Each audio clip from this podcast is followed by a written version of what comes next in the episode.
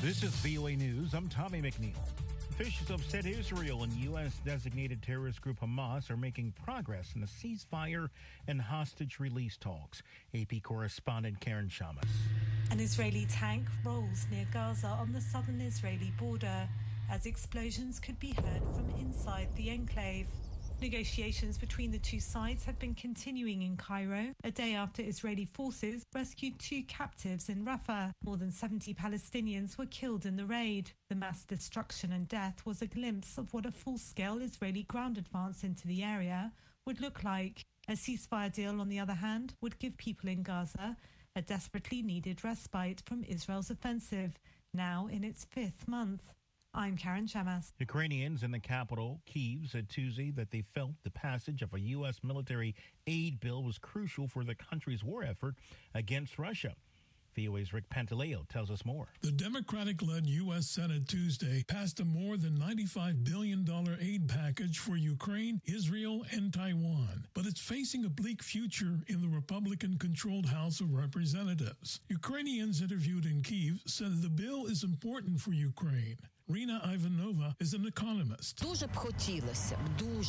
I would very much like the passing of the bill. However, I very well understand that we cannot force it. We can only hope for it. Both houses of Congress must approve the legislation before President Biden can sign it into law. Rick Pantaleo, VOA News. South Korea's military says it has detected North Korea firing multiple cruise missiles into the waters off its northeastern coast in its fifth test of such weapons since January. South Korea's Joint Chiefs of Staff on Wednesday did not immediately provide the exact numbers of missiles fired or how war or how far they flew. The launches were North Korea's sixth missile launch event this year, also including on January 14th. This is VOA News. U.S. President Joe Biden is warning House of Representative Republicans of the stakes if they do not allow a vote on the emergency aid package the Senate has passed for Ukraine, Israel, and Taiwan. AP correspondent Sagar Meghani. The president says Russian counterpart Vladimir Putin must see that the U.S. stands with Ukraine and other allies. Supporting this bill is standing up to Putin. Opposing it is playing into Putin's hands. But the $95 billion bill faces a deeply uncertain future in the House, with hardline Trump allied Republicans opposed. Ukraine backers hope the Senate's bipartisan support will put pressure with the nearly two year Russia Ukraine war at a crucial point. I urge Speaker Johnson to bring it to the floor immediately. Sagar Meghani, Washington. Three years into Myanmar's military rule, the fighting has displaced millions of civilians, including journalists at Democratic Voice of Burma, or DVB. But from newsrooms outside of Myanmar, they keep reporting. VOA News has a story narrated by Arash Arabasadi. Exile is not new for DVB, founded in 1992 in Norway under prior junta rule. The broadcaster moved to Myanmar during civilian rule only to have to flee again in 2021. With access to independent news restricted in Myanmar, DVB and other media now working from exile play a vital role. I think the media become a crucial countering fake news and also countering propaganda, uh, telling the truth about situation on the ground.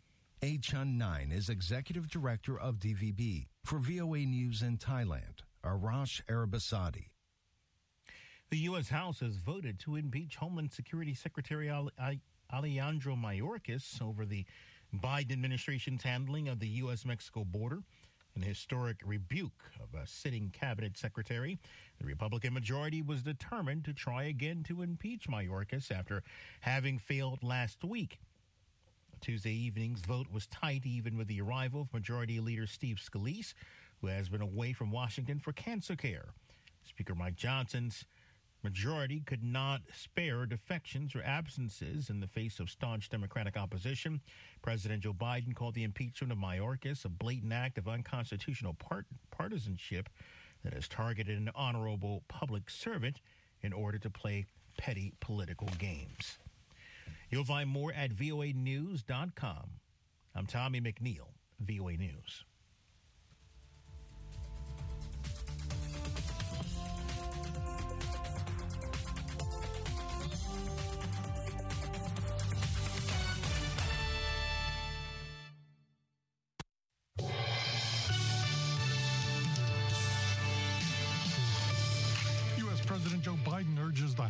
Representatives to vote on a Senate approved $95 billion aid package for Ukraine, Israel, and Taiwan. History is watching. History is watching. History is watching. Estonia says Russia is preparing for a military confrontation with the West. Kremlin is probably anticipating a possible conflict uh, with NATO within the next decade. And the very first dinosaur bones were found 200 years ago. In all that time, what have we learned? How they lived, how they evolved, and what doomed them. Today is Wednesday, February 14th, and this is VOA's International Edition. I'm Scott Walterman. The U.S. Senate approved a $95 billion aid package for Ukraine, Israel, and Taiwan early Tuesday. But as we hear now from VOA's congressional correspondent, Katherine Gypson, the bill faces a tough path to passage in the Republican majority U.S. House of Representatives crucial moment for 60 billion in aid to Ukraine, 14 billion in aid to Israel, and billions for Indo-Pacific countries confronting China as the U.S. Senate passed a major foreign aid bill Tuesday. President Joe Biden called on the Republican majority U.S. House of Representatives to consider the bill. I call on the Speaker to let the full House speak its mind and not allow a minority of most extreme voices in the House to block this bill even from being voted on.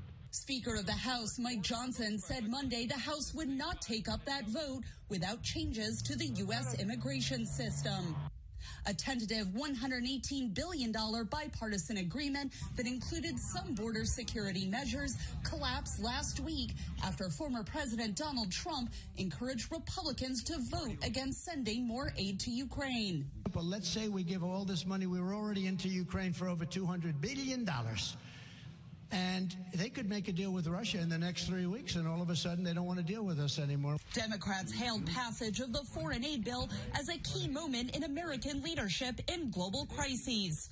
One of the most historic and consequential bills passed the Senate, a bill that so greatly impacts not just our national security, not just the security of our allies, but also the security of Western democracy as we know it. Republican lawmakers are divided over sending more aid to Ukraine, arguing the money is better spent on domestic security.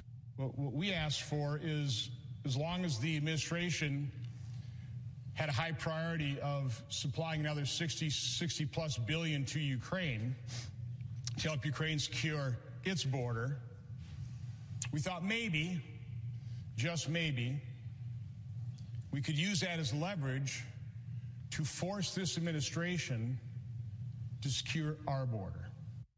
But 22 Republicans, led by Senate Minority Leader Mitch McConnell, voted with Democrats, saying the stakes for U.S. national security were too high to ignore. Our allies and partners are hoping that the indispensable nation, the leader of the free world, has the resolve to continue and our adversaries are hoping for something quite different. The U.S. sent the last round of aid to Ukraine on December 27th. An analyst tells VOA the delays embolden Russia. For Putin, this is something of a triumph, uh, and it makes Russia look like it's on uh, the winning side of the trajectory, and it makes Ukraine look like it's, uh, at the very least, you know, sort of stuck uh, or stalemated in the war. House lawmakers are in session for three days this week before leaving town until early March. Katherine Gypson, VOA News. To get something like this passed, there are a number of complicating factors, the least of which is the politics of it all. With a neck and neck presidential election this year, there's a lot of pressure on the members of Congress.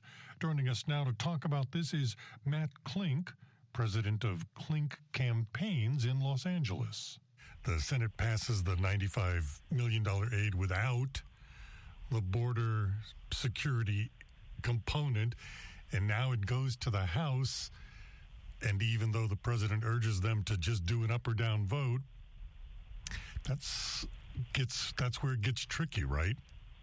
It absolutely is tricky. Yeah, I mean, it, the the question, significant questions remain about whether the 95 billion dollar uh, supplemental bill that passed the Senate uh, with a very uh, sizable majority, veto-proof majority, will even get a vote in the House of Representatives. Uh, and in a large part, it's because uh, House leadership they're a little bipolar at the moment. You know, they said that a that a, a legislative vehicle needed to include uh, border security funding. The uh, border security bill was negotiated in, and it ultimately failed in the Senate and would have failed in the House. And now the, the Republicans in the House are saying that they won't take this up because it doesn't include border security. So it, it, it's the speaker is definitely in a tough spot, and it's unknown if a majority of the Republicans uh, in the House do and do indeed support this package. Now they they needed Republicans, and, and Republicans did cross over to vote yes in the Senate more than people expected. Um, there's probably those votes in the House, but like you said, will it ever get to the floor? Maybe you can explain to people that don't really understand that what we mean. Sure. So, you know, the Republicans hold a very, very slim majority in the House of Representatives. Uh, the, the Democrats are trying to use something called a discharge petition, where a simple majority of the House members, so in this case it would need some Republican votes, would file this discharge petition and petition, and this measure would come onto the House floor and would be open for debate and a vote. Now the challenge is is that if the speaker were to allow this to happen, it would further weaken an already weak weak speakership and would likely you know, put the Republicans into the form of being virtually irrelevant. So it's very, very likely that the speaker will enforce rigid party discipline and either allow changes to be made to the legislation or will not allow it to come to a vote at all and will do what they've done in the past, take up individual chunks of this aid uh, separately, like Israel aid, Taiwan aid, etc. Political strategist Matt Klink now, politics were most certainly at play on Tuesday in the Congress as Republicans impeached U.S. Homeland Security Secretary Alejandro Mayorkas, the culmination of months of attacks against the Democratic official over a surge in migrants crossing the U.S. southern border. The Republican led House of Representatives passed two articles accusing Mayorkas of willful and systematic refusal to enforce immigration law and breach public trust. But he is almost certain to be acquitted by the Democratic led Senate. Back to Russia now and the threat it poses to Europe. Estonia's Foreign Intelligence Service says Russia is preparing for a military confrontation with the West within the next 10 years. Reuters correspondent Rachel Faber has this part of the story. Its Foreign Intelligence Service said on Tuesday that the assessment was based on Russia's plans to double the number of forces stationed along its border with Finland, Estonia, Lithuania, and Latvia. This is Kaupo Rosin, chief of the intelligence service. And we also see that the Kremlin is probably anticipating a possible conflict with NATO within the next decade or so. That's from their perspective. Uh, without uh, specifying what does it exactly mean. Would it be a direct uh, military action in Baltic states or somewhere else? He says right now, Russia doesn't have the manpower, partly because it has to keep troops in Ukraine, and that NATO and its allies were moving in the right direction to counter the Russian threat. A growing number of Western officials have warned of a military threat from Russia to countries along the eastern flank of NATO, calling for Europe to get prepared by rearming. Estonia and the other Baltic states have increased their military spending since Russia annexed Crimea in 2014. And NATO allies have raised their presence in those countries. Germany, in its first permanent foreign deployment since World War II, plans to have 4,800 combat ready troops in the region by 2027. Rosin added that unless Western support to Ukraine is sustained or increased, it is unlikely to be able to change the situation on the battlefield.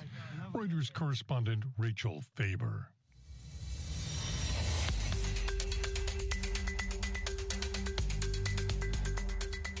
We're following these other stories from around the world. U.S. Secretary of State Antony Blinken on Tuesday urged Senegalese President Macky Sall to restore Senegal's election date. The abrupt postponement of the February 25th vote to December has plunged Senegal into crisis. Former Prime Minister Shehbaz Sharif will be the nominee for Pakistan's next premier to lead a new coalition alliance formed between different parties.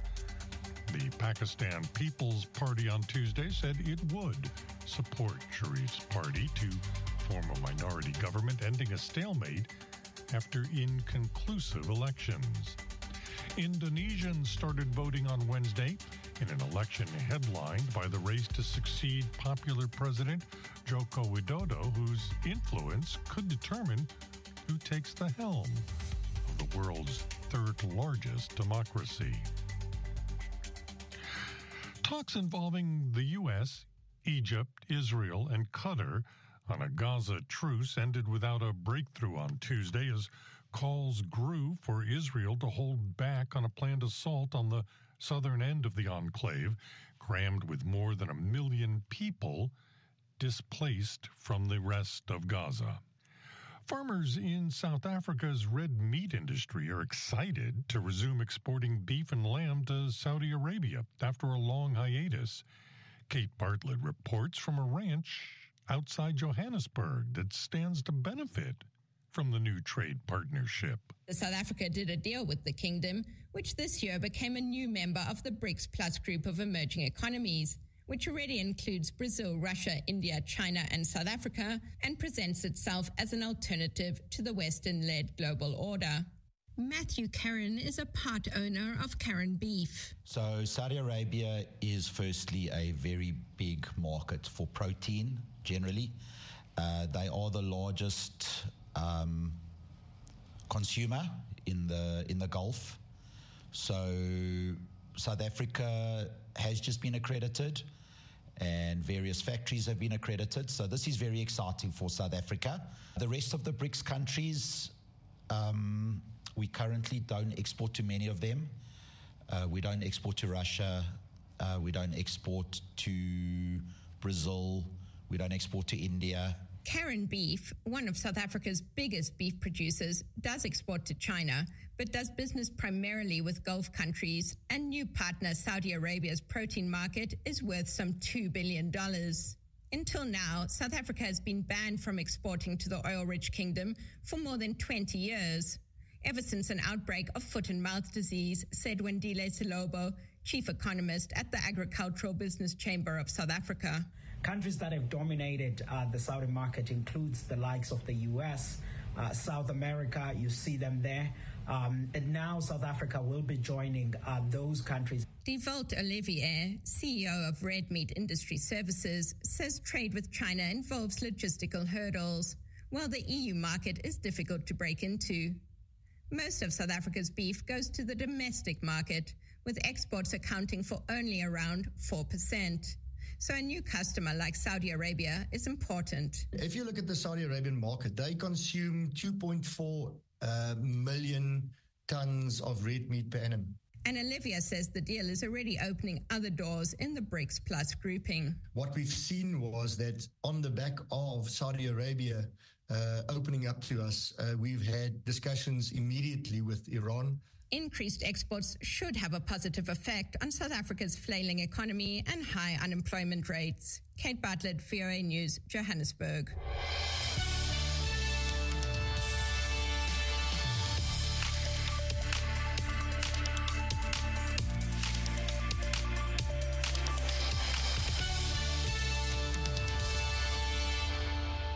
VOA's International Edition continues. I'm Scott Walterman. February 13th was World Radio Day. So, to mark the day, VOA's Cristina Caicedo Smith met up with, well, a bunch of little me's, students taking part in a local news program that teaches them media skills, including how to produce a podcast. Every Friday afternoon, a group of teenagers and young adults meets, eats snacks, works on their laptops, and talk about local news. With them is Kristen Clark, the Community Engagement Director at Arlington Independent Media. The nonprofit focuses on media training and resources for community news, including programs for youngsters who want to learn about media. We reach out to kids across all of the high schools, um, and we, we reach out to kids who are interested in writing, who are interested in multimedia, but also who are interested in government and politics, um, kids who, are, who speak foreign languages at home. Like, um, really, the philosophy is that everyone has a story to tell. At their weekly editorial meetings, the high school and college students talk about possible angles for their stories and the people they may interview. They also each create an episode for the Arlington AMP podcast. Students choose a story to cover and work on it for six weeks. Clark says the experience gives listeners a young person's perspective. We had a student that went and did a story about a local, um, like a highway redevelopment plan um, that is going to take place over the next 30 years. And he was like, I, am the exact kind of person that's going to be around in 30 years um, when this comes to fruition. Another student combined a world record attempt with a look into local transit issues. Cody Finnegan, a high schooler, is interested in public planning and city development. I'm going to um, under um, attempt a, a, world record for the um, fastest time visiting all the metro stations in the um, the DC area. Um, the current record is eight hours, and I'm going to turn this world record attempt into the next episode, hopefully, of the Arlington AMP. Finnegan fell five minutes shy of the world record, but used the attempt to report on concerns about DC Metro budget gaps and delays. Clark says the students covered community wide issues, but also topics closer to home. Here in Arlington, some of the biggest issues that affect our community are right in the high schools. So, everything from um, you know, guns on campus to opioids to um, especially teen mental health is a huge issue to trans rights. Encouraging students to cover local news makes a difference, she says. When you hear when you see young people engaging in things that matter here locally that kind of like reminds us maybe i should talk to my neighbors more. Cristina caicedo smith voa news. And finally in the year 1824 200 years ago William Buckland found the first dinosaur bones in Oxford, England. In the 200 years since, dinosaur science has flourished. Here's Reuters correspondent Dylan Rubens. We now know dinosaurs walked the planet from about 231 million years ago to 66 million years ago. But even after two centuries, the research is far from done. In 1824, English naturalist and theologian William Buckland addressed the Geological Society of London, describing an enormous jaw and limb bones unearthed in a slate quarry in a village near Oxford. Buckland recognized that these fossils belonged to a huge bygone reptile and gave it a formal scientific name, Megalosaurus, meaning great lizard. The actual word dinosaur would not be coined until the 1840s. Steve Brusatte is a paleontologist at the University of Edinburgh. And that moment really was the beginning of our cultural fascination with dinosaurs, which continues today. In the 1960s, the identification of the smallish meat eating dinosaur, Deinonychus, shook up dinosaur science. It showed that dinosaurs could be small and agile somewhat anatomically similar to early birds like Archaeopteryx, confirming how birds evolved from small, feathered dinosaurs. It also prompted a debate over whether dinosaurs were warm or cold blooded. The smallest ones were smaller than pigeons, the biggest ones were heavier than Boeing 737 airplanes. But a lot of them would not have looked like reptiles at all. A lot of dinosaurs were covered in feathers. Some dinosaurs had wings. And those kind of fossils would have been unfathomable to Buckland. And they show just how far our perception of dinosaurs has changed in the last two centuries. And then there's the mystery of how dinosaurs became extinct. It had long puzzled scientists, with various hypotheses offered. In 1980, researchers identified a layer of sediment dating precisely to the end of the dinosaur age.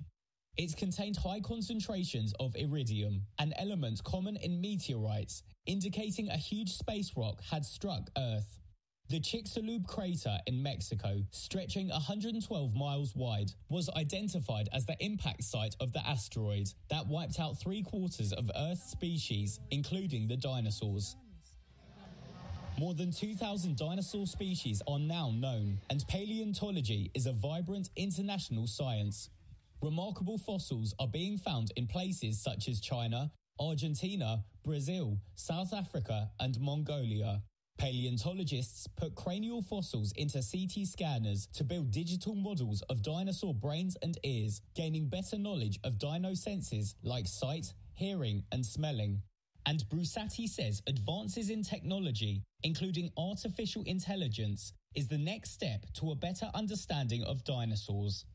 AI, machine learning, this, this is all the rage in, in so many different fields and so many aspects of our lives these days, for better or for worse. But in paleontology, it is probably the next new big frontier. If we want to understand the big patterns of dinosaur evolution, how dinosaurs changed over time, as the Earth was changing over time, it's these enormous databases that can be analyzed by AI techniques that are going to give us that really critical insight. Reuters correspondent Ilan Rubins. This has been International Edition on the Voice of America. On behalf of everyone here at VOA, thank you so much for listening. For pictures, stories, videos, and more, follow VOA News on your favorite social media platform and online at voanews.com. In Washington, I'm Scott Walterman.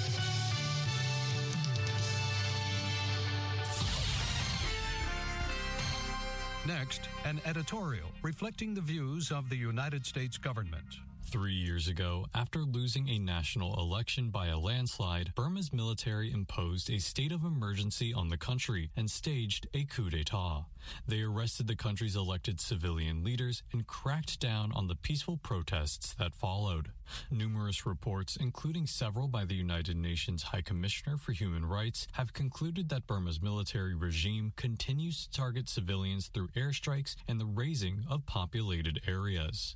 Following a rigorous factual and legal analysis, the United States Secretary of State determined that members of Burma's military have committed genocide and crimes against humanity against Rohingya in 2017, said Beth Van Schaack, the State Department's ambassador at large for global criminal justice. Since the coup three years ago, the military regime has escalated its brutality against those who hope for democracy in Burma. The regime has carried out executions of pro democracy activists, political leaders, and peaceful protesters. It has killed thousands of men, women, and children, destroying schools and places of worship.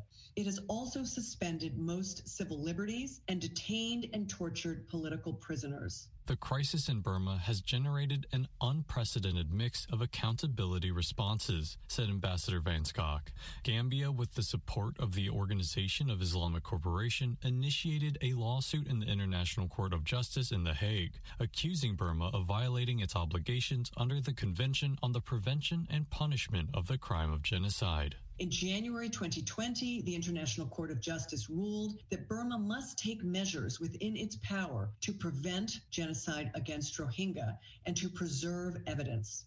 The United States has shared information with the Gambia's lawyers as they prepare their submissions to court. An end to the violence and repositioning of Burma on a path to democracy are a top priority for the United States. The United States has ramped up economic and political pressure on the military regime, including by restricting U.S. dollar transactions with state owned enterprises that enable the military to kill and harm civilians. The U.S. government has also provided nearly $4.2 billion in assistance to assist refugees in Bangladesh and also for other needs, said Ambassador Van Schaack. Going forward, the United States will continue to conduct extensive documentation of the atrocities and to call for accountability for human rights abuses and for corruption, she said. We will continue to support the people of Burma in their own efforts to seek truth, justice, and accountability. That was an editorial reflecting the views of the